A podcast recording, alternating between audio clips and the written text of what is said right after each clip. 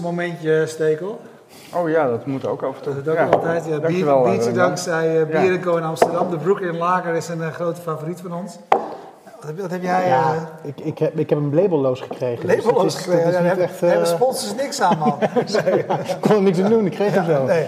Hey, Jules van Brugge, je bent van de Sidley. Ja, En als ik op de site kijk, op jullie Twitter-account kijk, dan staat er voorheen oude match. Klopt. Wat doen jullie? Wij eh, matchen ouders met oppas en grashouders in de buurt. Dus als je als ouder op zoek bent naar een eh, opvang, wat dat dan kan zijn, dat kan eh, avondoppas zijn, naschoolse opvang of dagopvang.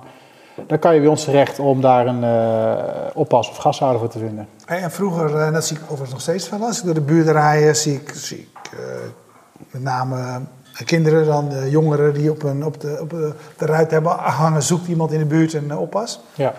De uitdaging van oppassen lijkt me altijd, het belangrijkste ding is denk ik betrouwbaarheid, kennis, et cetera. Ja. Ehm, waarom zijn jullie dit gaan doen? Had je, heb je zelf ervaren dat hier, hier een probleem zat, een gat in de markt zat? Ja, inderdaad. Want toen wij eh, eh, onze eerste kind kregen, eh, we wonen hier in Amsterdam en daar was gewoon echt een probleem met opvang. Er waren hele lange wachtlijsten bij, de, bij de opvangcentra in dat tijd.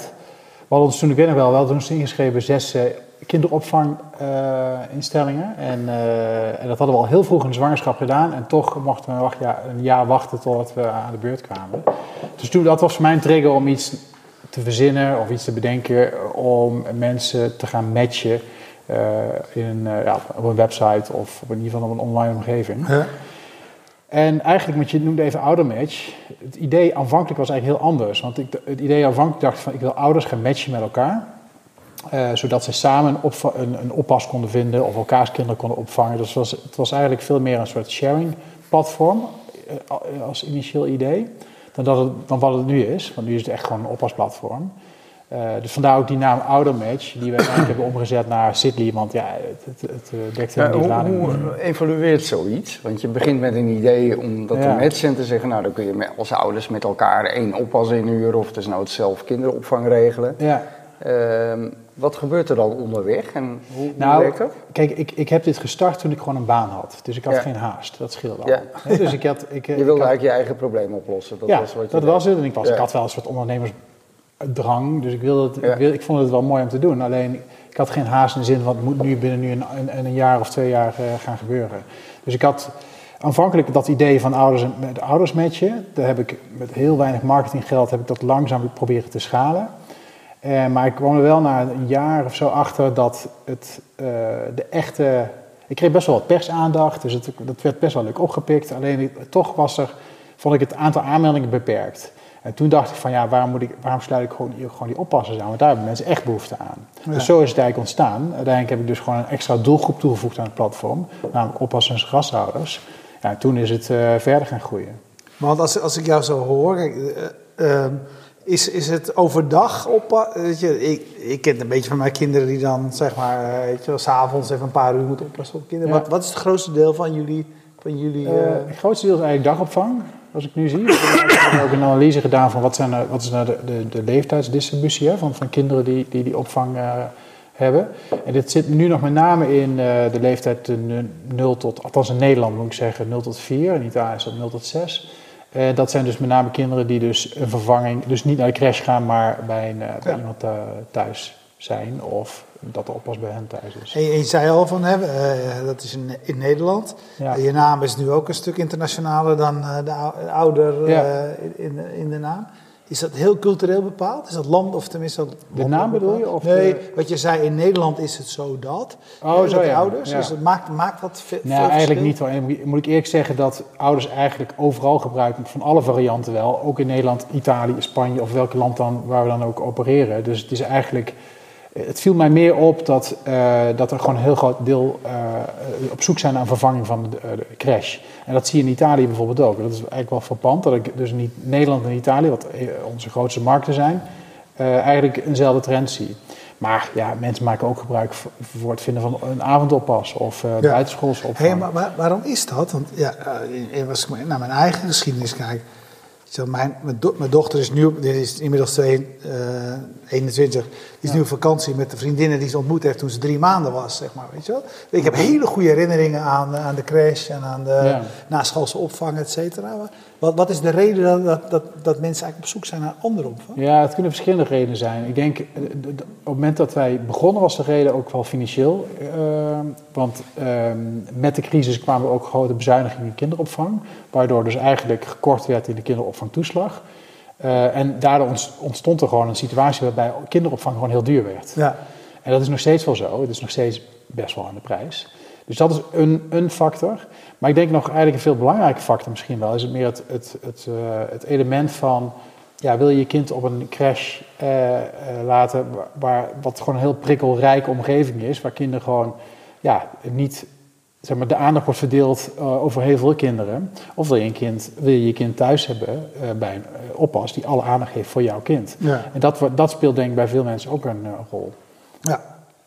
Hey, ehm, nadat jullie in Nederland, eh, nou ja, eigenlijk uitgetest hadden, oude match, geconstateerd dat dat niet eh, de, de way forward was. Eh, daarna, nou, tegenwoordig heet dat een pivot, toen noemde je het misschien nog niet zo, maar gewoon Nee. je idee een beetje getwist. En, Ja. inmiddels zitten jullie, nou ik zag al eh, Scandinavië, Finland, Denemarken, Noorwegen, Spanje, Italië, Argentinië net begonnen. Ja, België, Zwitserland laatst. België, Zwitserland. Wat een onderneming man. Ja, ja, het was ook niet helemaal... In zo'n korte plan. Mis, je, tijd. mis je je baan nog wel eens? Ja, Eh, Nee, Nee, want je, je Ja, bent, die- weet- je, die beginperiode waar je het over had was 2009, 2010, als ik het Ja, goed heb. En ja. eigenlijk sinds 12, 13, 14 jaar is het als een... Ja, in 2012 heb ik mijn baan gezegd, eind Ja. 2011. Dus 2012 ben ik echt, echt begonnen eigenlijk. Ja, En ehm, ja, het is inderdaad wel een onderneming. Het is niet alleen maar succes, hè? Want dat is Nee, maar- vaak altijd het, eh, Ja. het mooie verhaal. Van nou, het is alleen maar, eh, het is alleen maar een succesvol verhaal. Maar dat is het niet. Want ik weet nog heel goed, het eerste land wat wij, eh, waar wij naartoe gingen was Duitsland.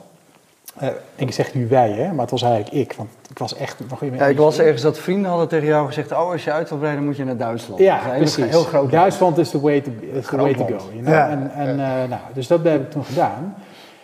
Niet zozeer omdat die vrienden dat zeiden, maar ik, ik, ik zag ook wel dat het een grote markt was. En, en eh, ik, ik zag ook dat er een paar concurrenten waren die best wel eh, fors waren. Maar ik had ja, achteraf een beetje het naïeve idee van een level playing field. Als je online aanwezig bent en je zorgt gewoon dat je zelf eh, adverteert, dan komt het wel goed.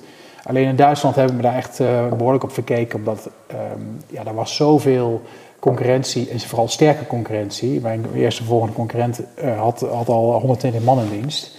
Het was met, eh, weet ik, tientallen miljoenen gefinancierd. En ik kwam daar met 3000 euro per maand aan, aan- marketingbudget. Dus het was best wel Kansloos. Ja. Dat heb ik dan laten proberen eh, steeds meer te, te, te filteren naar eh, eerst heel Duitsland, toen een paar steden, toen één stad, maar dat was, was het gewoon niet.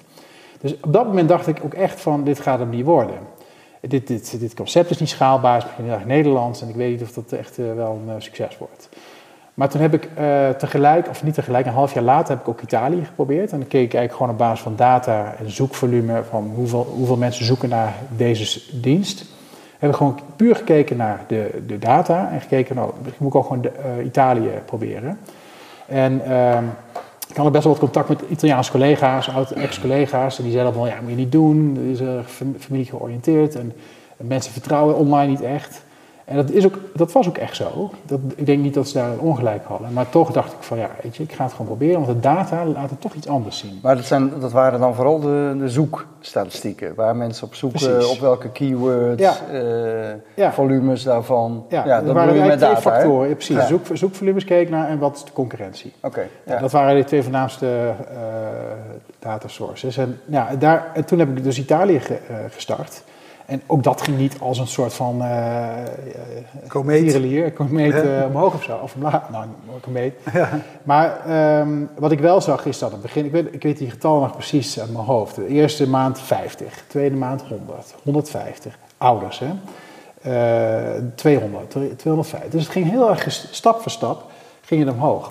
Wat ik ook zag is dat het aantal oppassers, dat, ging, dat was niet normaal. Want je had daar precies in, midden in die crisis, heel veel mensen waren werkloos, vooral jeugd. Ja, ja. En die waren niet te stoppen. Dus we moesten op een gegeven moment alle kanalen, marketingkanalen stoppen voor die oppas. Want die kwamen zo massaal binnen dat er ontzettend onevenwicht bestond tussen oppassers en, en, dat, ouders. en dat verschilt natuurlijk per land. Ja, dat is, dat is het hele, het hele spel wat we spelen. Probeer die, die, dat evenwicht te bewaren. Maar wat, wat ik toen, ja, uiteindelijk bleek eh, Italië echt een, een gouden greep eigenlijk. En bevestigde voor mij eigenlijk dat het toch schaalbaar was. Ook al, ook al was het een land als Italië.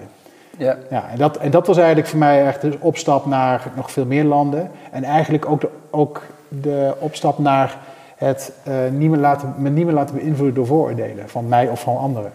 Ja, dus bijvoorbeeld, Maar dan nog één data, keer, hè? data is belangrijker geworden. Ja. Maar dan nog één keer, wat heb je in Italië dan anders gedaan dan in Duitsland? Ja, helemaal niks, precies hetzelfde. Alleen eh, Duitsland was een, was een markt wat, waar al eh, drie partijen, grote partijen ja, het gaat dus echt om concurrentie. Tuurlijk, ja. Want, Het- eh, en geld, hè? Geld. Geld is geen... En dat is altijd marketing. Maar Ja. de, de, wij, wij hebben natuurlijk heel veel eh, partijen altijd aan tafel. En een rode draad is wel een beetje, zodra het een markt is waarbij de winner takes it all, of, mi- of minimaal, je hebt schaal nodig om Ja. te, te kunnen overleven, Ja. dan is marketinggeld altijd het onderscheidende factor. Zo is het. Ja, dus het en dat is nog steeds zo. En ik denk Ja. nog steeds dat we best naar nu naar Duitsland zouden kunnen. Want we hebben natuurlijk een veel eh, volwassener platform. En stel dat je al je marketingbudget allokeert naar Duitsland, zouden we nog steeds nu Duitsland zou kunnen doen. Alleen nu zitten we meer in de, in de afweging van, ja, zijn er dan niet andere eh, pareltjes in de wereld? Hè? Een soort Italië van een paar jaar terug, Ja. Die we zouden kunnen aan. Maar ja, het andere ding wat wij daar hier wel altijd horen is dat hè, Duitsland is een logische markt om te bedenken, want hij is groot. En als je dat. Maar bij onze gasten die het daar geprobeerd hebben, en misschien hebben ze het uiteindelijk wel succesvol gedaan, maar die lopen ook heel erg aan tegen het cultuurverschil. Hoor ik jou Ja. zeggen dat cultuurverschil, dat, dat voor jou dat niet, niet zo een. Nou, weet je, cultuurverschil vind ik iets heel subjectiefs eigenlijk. Hè? Want ik kijk gewoon puur naar de data. En mijn data zei dat de conversie naar een sign-up en conversie naar een, een betalend lid, hè, dat, dat zijn een beetje de dynamics, eh, die waren eigenlijk gelijk. Dus ja, wat is cultuurverschil? Hè? Betekent dat nou gelijk ten opzichte van Nederland en, en andere landen? Dus het was niet zo dat, dat, dat als je gewoon puur kijkt naar de data, was daar Ehm, niet zo'n groot verschil. Maar was, is dan de conclusie dat eh, Duitsland is natuurlijk een digitaal ontwikkeld land. Ja. Dus heb je altijd al concurrentie, dus is het veel moeilijker. En dat, dat had je natuurlijk in die periode, dat jij begon in Italië en de zuidelijke Ja. landen minder. Nou, weet je, wat het is, kijk in Duitsland, de Amerikaanse partijen waar ik dus tegen concurreerde, die, die, naar- die gaan naar Europa. Waar gaan ze naartoe? Naar UK Ja. of Duitsland. Ja. ja. Weet je wel, ze gaan niet naar Italië. Nee. Dan denken ze, ja, Nee, en. UK, en meestal vinden ze eigenlijk als ze UK hebben, vinden ze ook al Vinden ze al Europa, heel eh, Europees, ja, ja, precies. Dus het is wel, je, je hebt gewoon te maken met, eh, en dat weet ik nu, te maken met partijen die gewoon ja, zo kapitaalkrachtig zijn, die domineren die markt gewoon puur en alleen al met het geld. Ja, en, en vertel eens iets over die schaalgrootte. Waarom is dat bij jou zo belangrijk? Hoe, heb, en, en heb je daar ook data over dat je zegt van nou, je moet echt 20, 30 procent van die markt hebben, anders lukt het niet? Of een andere percentage? Hoe, hoe, hoe werkt dat? Nou, het werkt eigenlijk heel erg lokaal. Hè? Dus als ik, het, het, bij wijze van spreken op buurtniveau, maar eh, laten we zeggen op stadsniveau. Dus je kan heel makkelijk een land ingaan en te zeggen van ik pak gewoon drie of vier steden. Als ik daar relevant ben, en dat Is dat ook wat je snel. doet? Ja, dat is Dan zeg je nou, ik doe Milaan, Torino ja, en, eh, dat is, nu, en dat, dat is in Ja. eerste instantie onze, onze rollout-strategie. Dus gaan we Ja. eerst naar 15 steden in Italië bijvoorbeeld. Ja. En in eh, Zwitserland zitten nu geloof ik iets van acht steden of zo. En ehm, ja, dus dat is, dat is wat we doen. En op het moment dat we zien dat het werkt, eh, dan pakken we de rest van het land. Ja. Dus het is, weet je, en ook, weet je, dat, ja, je leert ook gaandeweg heel erg ehm, je eigen eh gedachtenbloks kennen, weet je wel. Bijvoorbeeld een landenrollout, er bestaat eigenlijk niet zoiets als een landenrollout. Het is gewoon een rollout van een regio. Ja. eh, al is dat... Is het meer dat je een andere taal... Precies. Ja, dat is het praktische Ja, punt. Pak dat een je andere dus stad en die spreekt een andere taal. Ja. Dat is eigenlijk wat je doet. Ja, Ja. precies. Grappig. Ja. Hey, eh, eh, Ben White, vol- ik- ik denk dat eh, volgens mij via hem eh, jij Ja. hier ook mede zit. Ben is hier te gast geweest overigens, als, eh, als man achter visie voor Afrika. Ehm stelt een paar vragen, dus ik wil in ieder geval even, even wat, eh, wat, wat meenemen van, eh, van Ben. Nou goed, eh, eerst zei hij hoe, eh, expand je int- internationally, dat heb, je, eh, dat heb je verteld denk ik.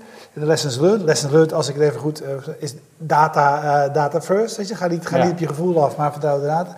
Daarna zegt hij, but so, own staff, franchised or mixed models, what works best? Zijn- Zijn er verschillende modellen waarop, jij, waarop jullie werken? Nee, wij hebben nu, wij, alles versturen we eigenlijk aan vanuit hier. Eh, hier als een, we hebben een development.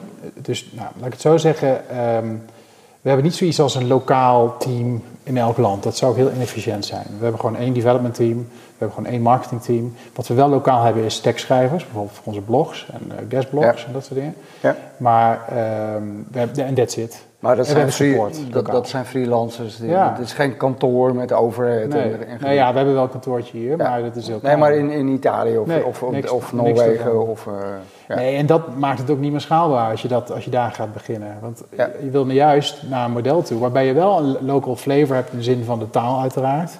Maar Ja. ook je support moet natuurlijk lokaal zijn. En je PR het liefst lokaal, of het liefst, PR moet lokaal zijn Ja. als, dat, als het eh, aanslaat.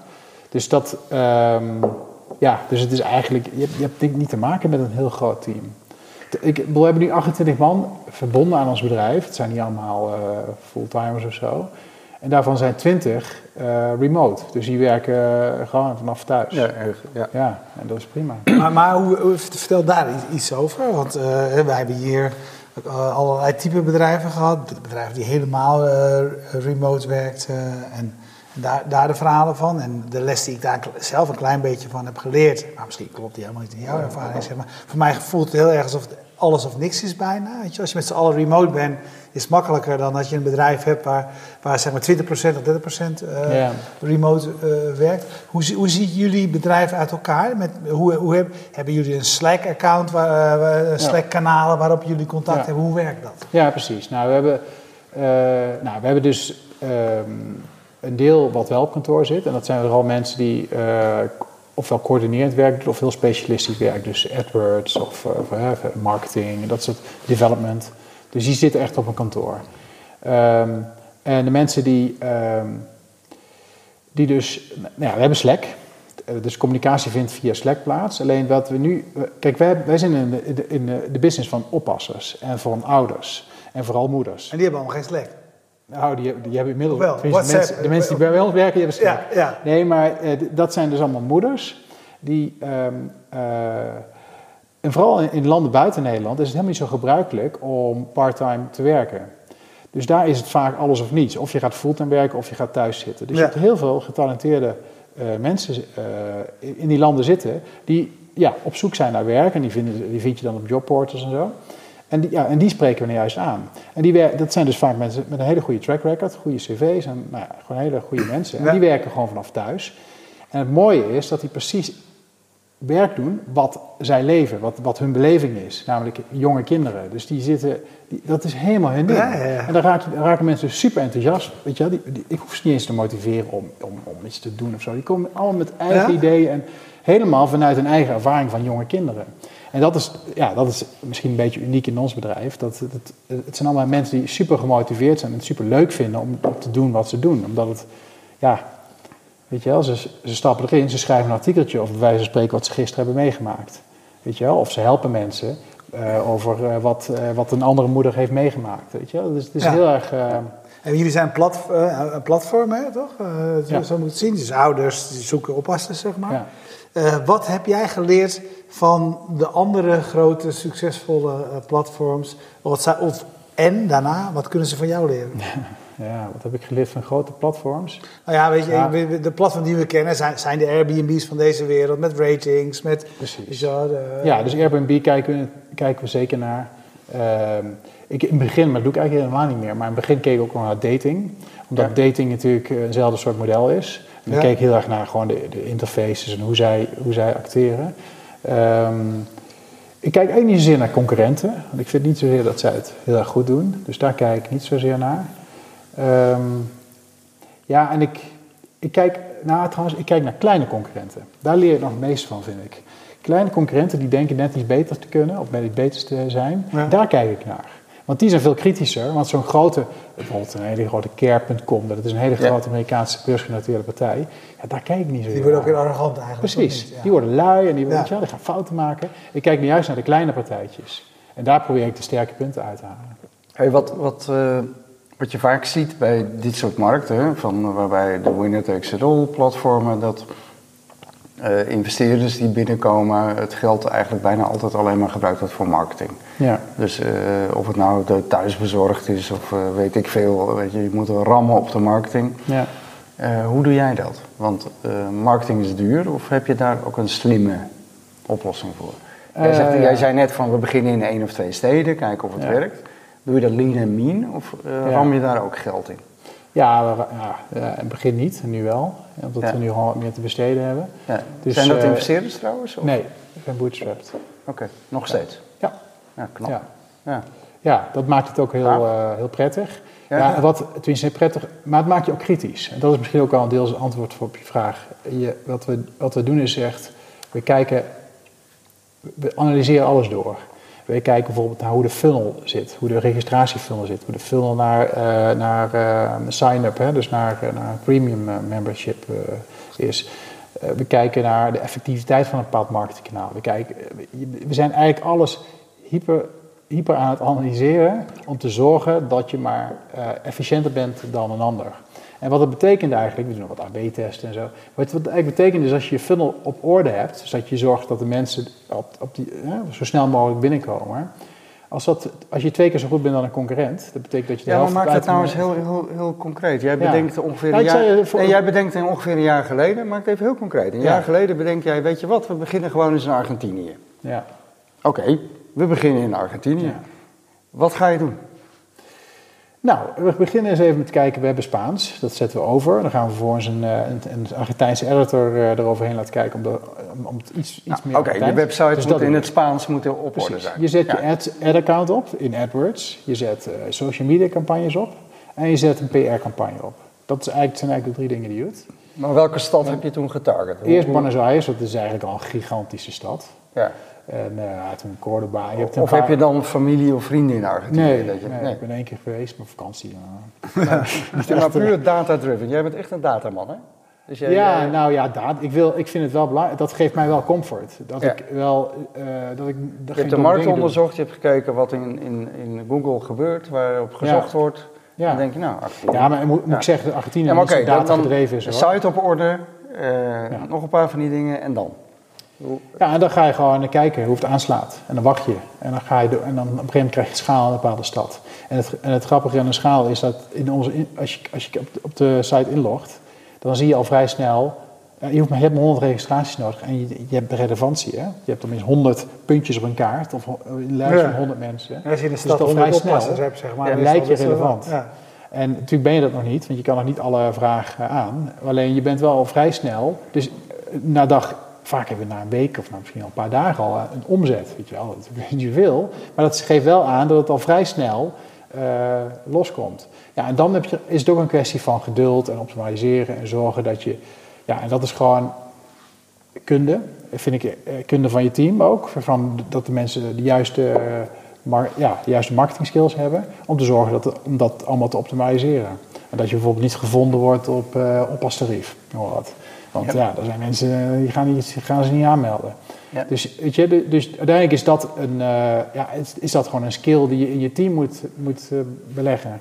En dan, als je dat hebt, en daarom vind ik het heel belangrijk dat die skills hier een, centraal worden ja, bij elkaar. bij, bij elkaar. Ja, en is het dan vooral search marketing of doe je ook Ja, Facebook? search, Facebook, Instagram, eh, eh, AdWords, Google AdWords, dat is ook Ja. search. Ehm, Ja. ja. Goed, we hebben Uiteindelijk zie je ook heel veel eh, referrals binnenkomen. Maar dat is eigenlijk in tweede instantie. In het begin ben je heel erg eh, gewoon met paid marketing bezig. Ja. En dan kom je later, komt, ja, eh, zeg maar, loopt het over in Organisch referrals. over, ja. Maar wij hebben bijvoorbeeld hier, eh, als, als het over, over de platforms gaat, eh, Snapcar gehad. En bij Snapcar kwamen ze eh, op een gegeven moment tot de conclusie: oké, we hebben een stad nodig van zeg maar minimaal 70.000 mensen of zoiets. Ja. Want anders daaronder gaat die schaal van mensen die hun auto beschikbaar willen stellen. Dat is gewoon niet Ja, genoeg. eh, is, dat, dat, is, niet- dat is niet genoeg. Ja. Eh, heb, heb jij ook zo, zo een soort van eh Ja. metric, zeg maar, zo'n soort van rekensom? Of? Eerlijk gezegd niet echt. Want ik heb, eh, het is wel zo. Ik zie wel een verschil bijvoorbeeld per land. In Nederland zijn we echt in elke dorp. Je gaat naar een dorp en je ziet gewoon registraties. In Italië zijn we inmiddels ook zover.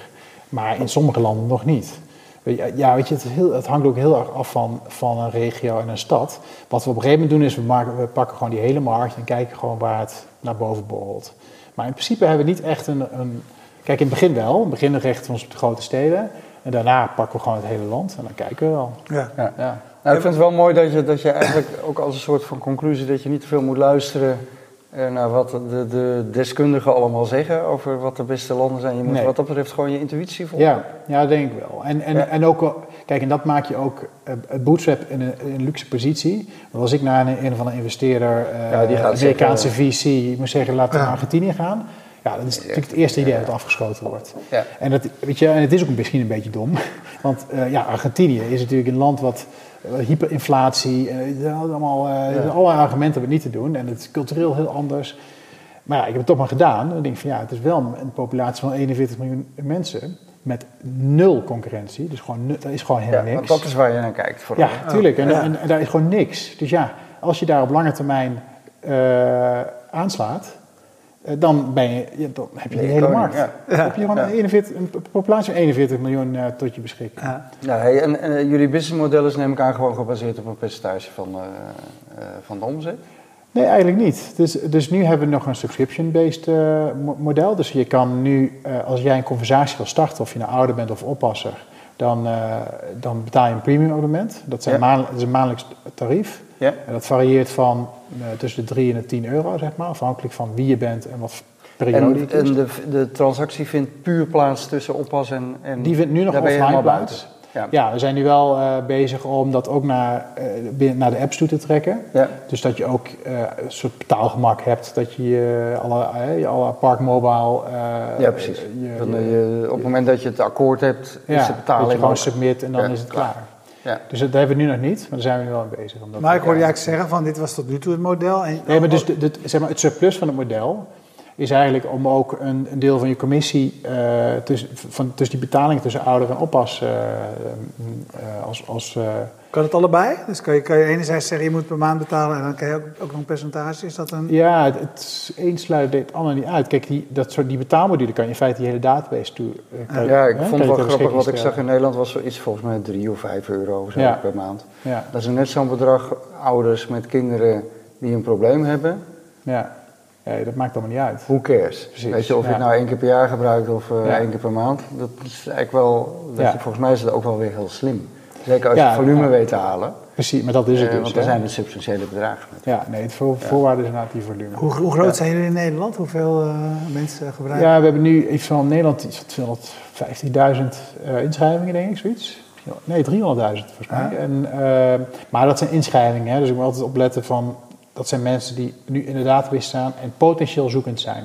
Ja. Als je kijkt naar een maandelijkse eh, aantal zoekers, zit je rond de 20.000 eh, in Nederland. Maar ja, die 250, of die, die mensen betalen wel allemaal die maandelijkse. Nee hoor, niet allemaal. Nee. Nee? Je hebt, daar zit natuurlijk een bepaald percentage op wat van mensen die, die Ja. dat dan betalen.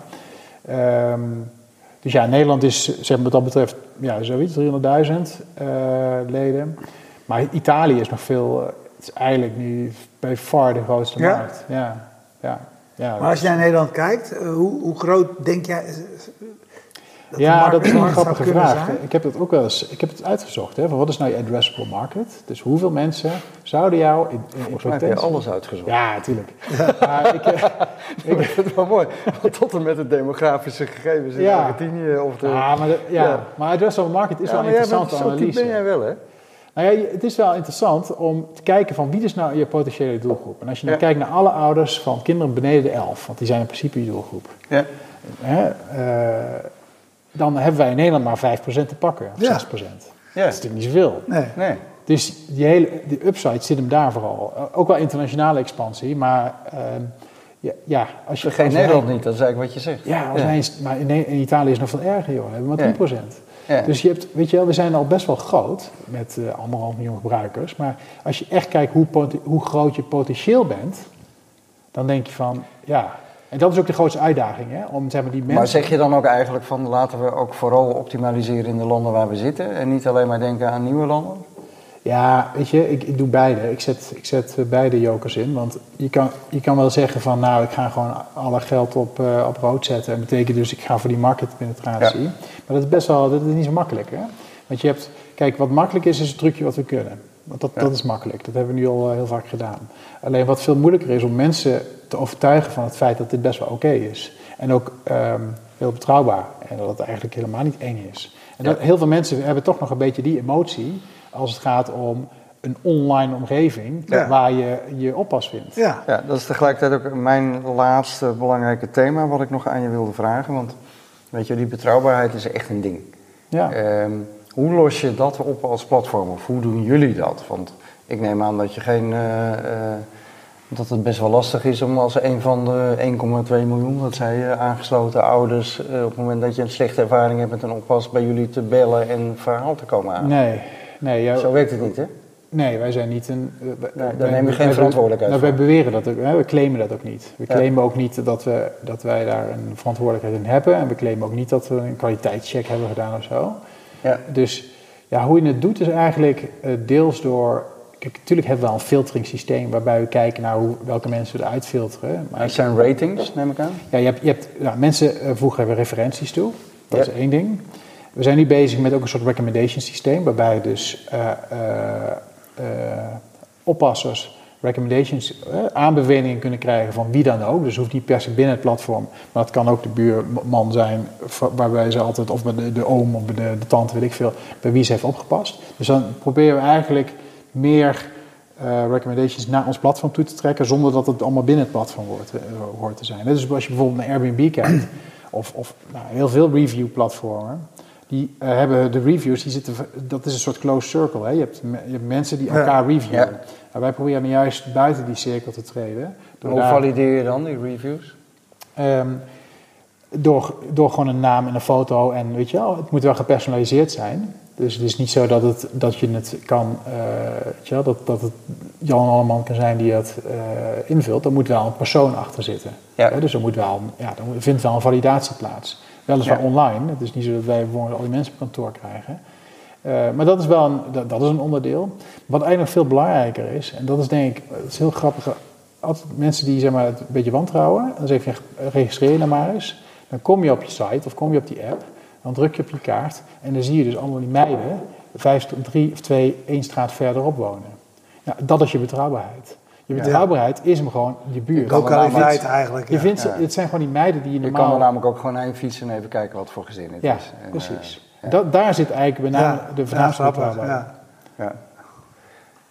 hey, mooi verhaal. We zijn er weer een half uur bezig en we hebben ons ooit voorgenomen om het daartoe te beperken. Ja. ik weet niet meer waarom. Weet je Nou, waarom? ik wel. De verhalen moeten ook gewoon... Ja. Nou ja, dit, klein verhaaltje voor jou. Wij begonnen met een half, een, een half uur. Toen waren er ook mensen die, die dachten een beetje in het, eh, in het Wereld Door systeem. Die dingen moeten korter. Toen dachten wij, ja, weet je wat we gaan doen? We gaan een magazine doen. Doen we 10 minuten interview. Doen we, bellen we eventjes met iemand via Skype. En, en toen kwam onze, eh, een van onze gasten die al eerder was geweest. En die zei, ja, dit vind ik eigenlijk helemaal niet leuk. En toen zei hij, dus drie, een half uur is lang in deze wereld. Ja, ja, ja.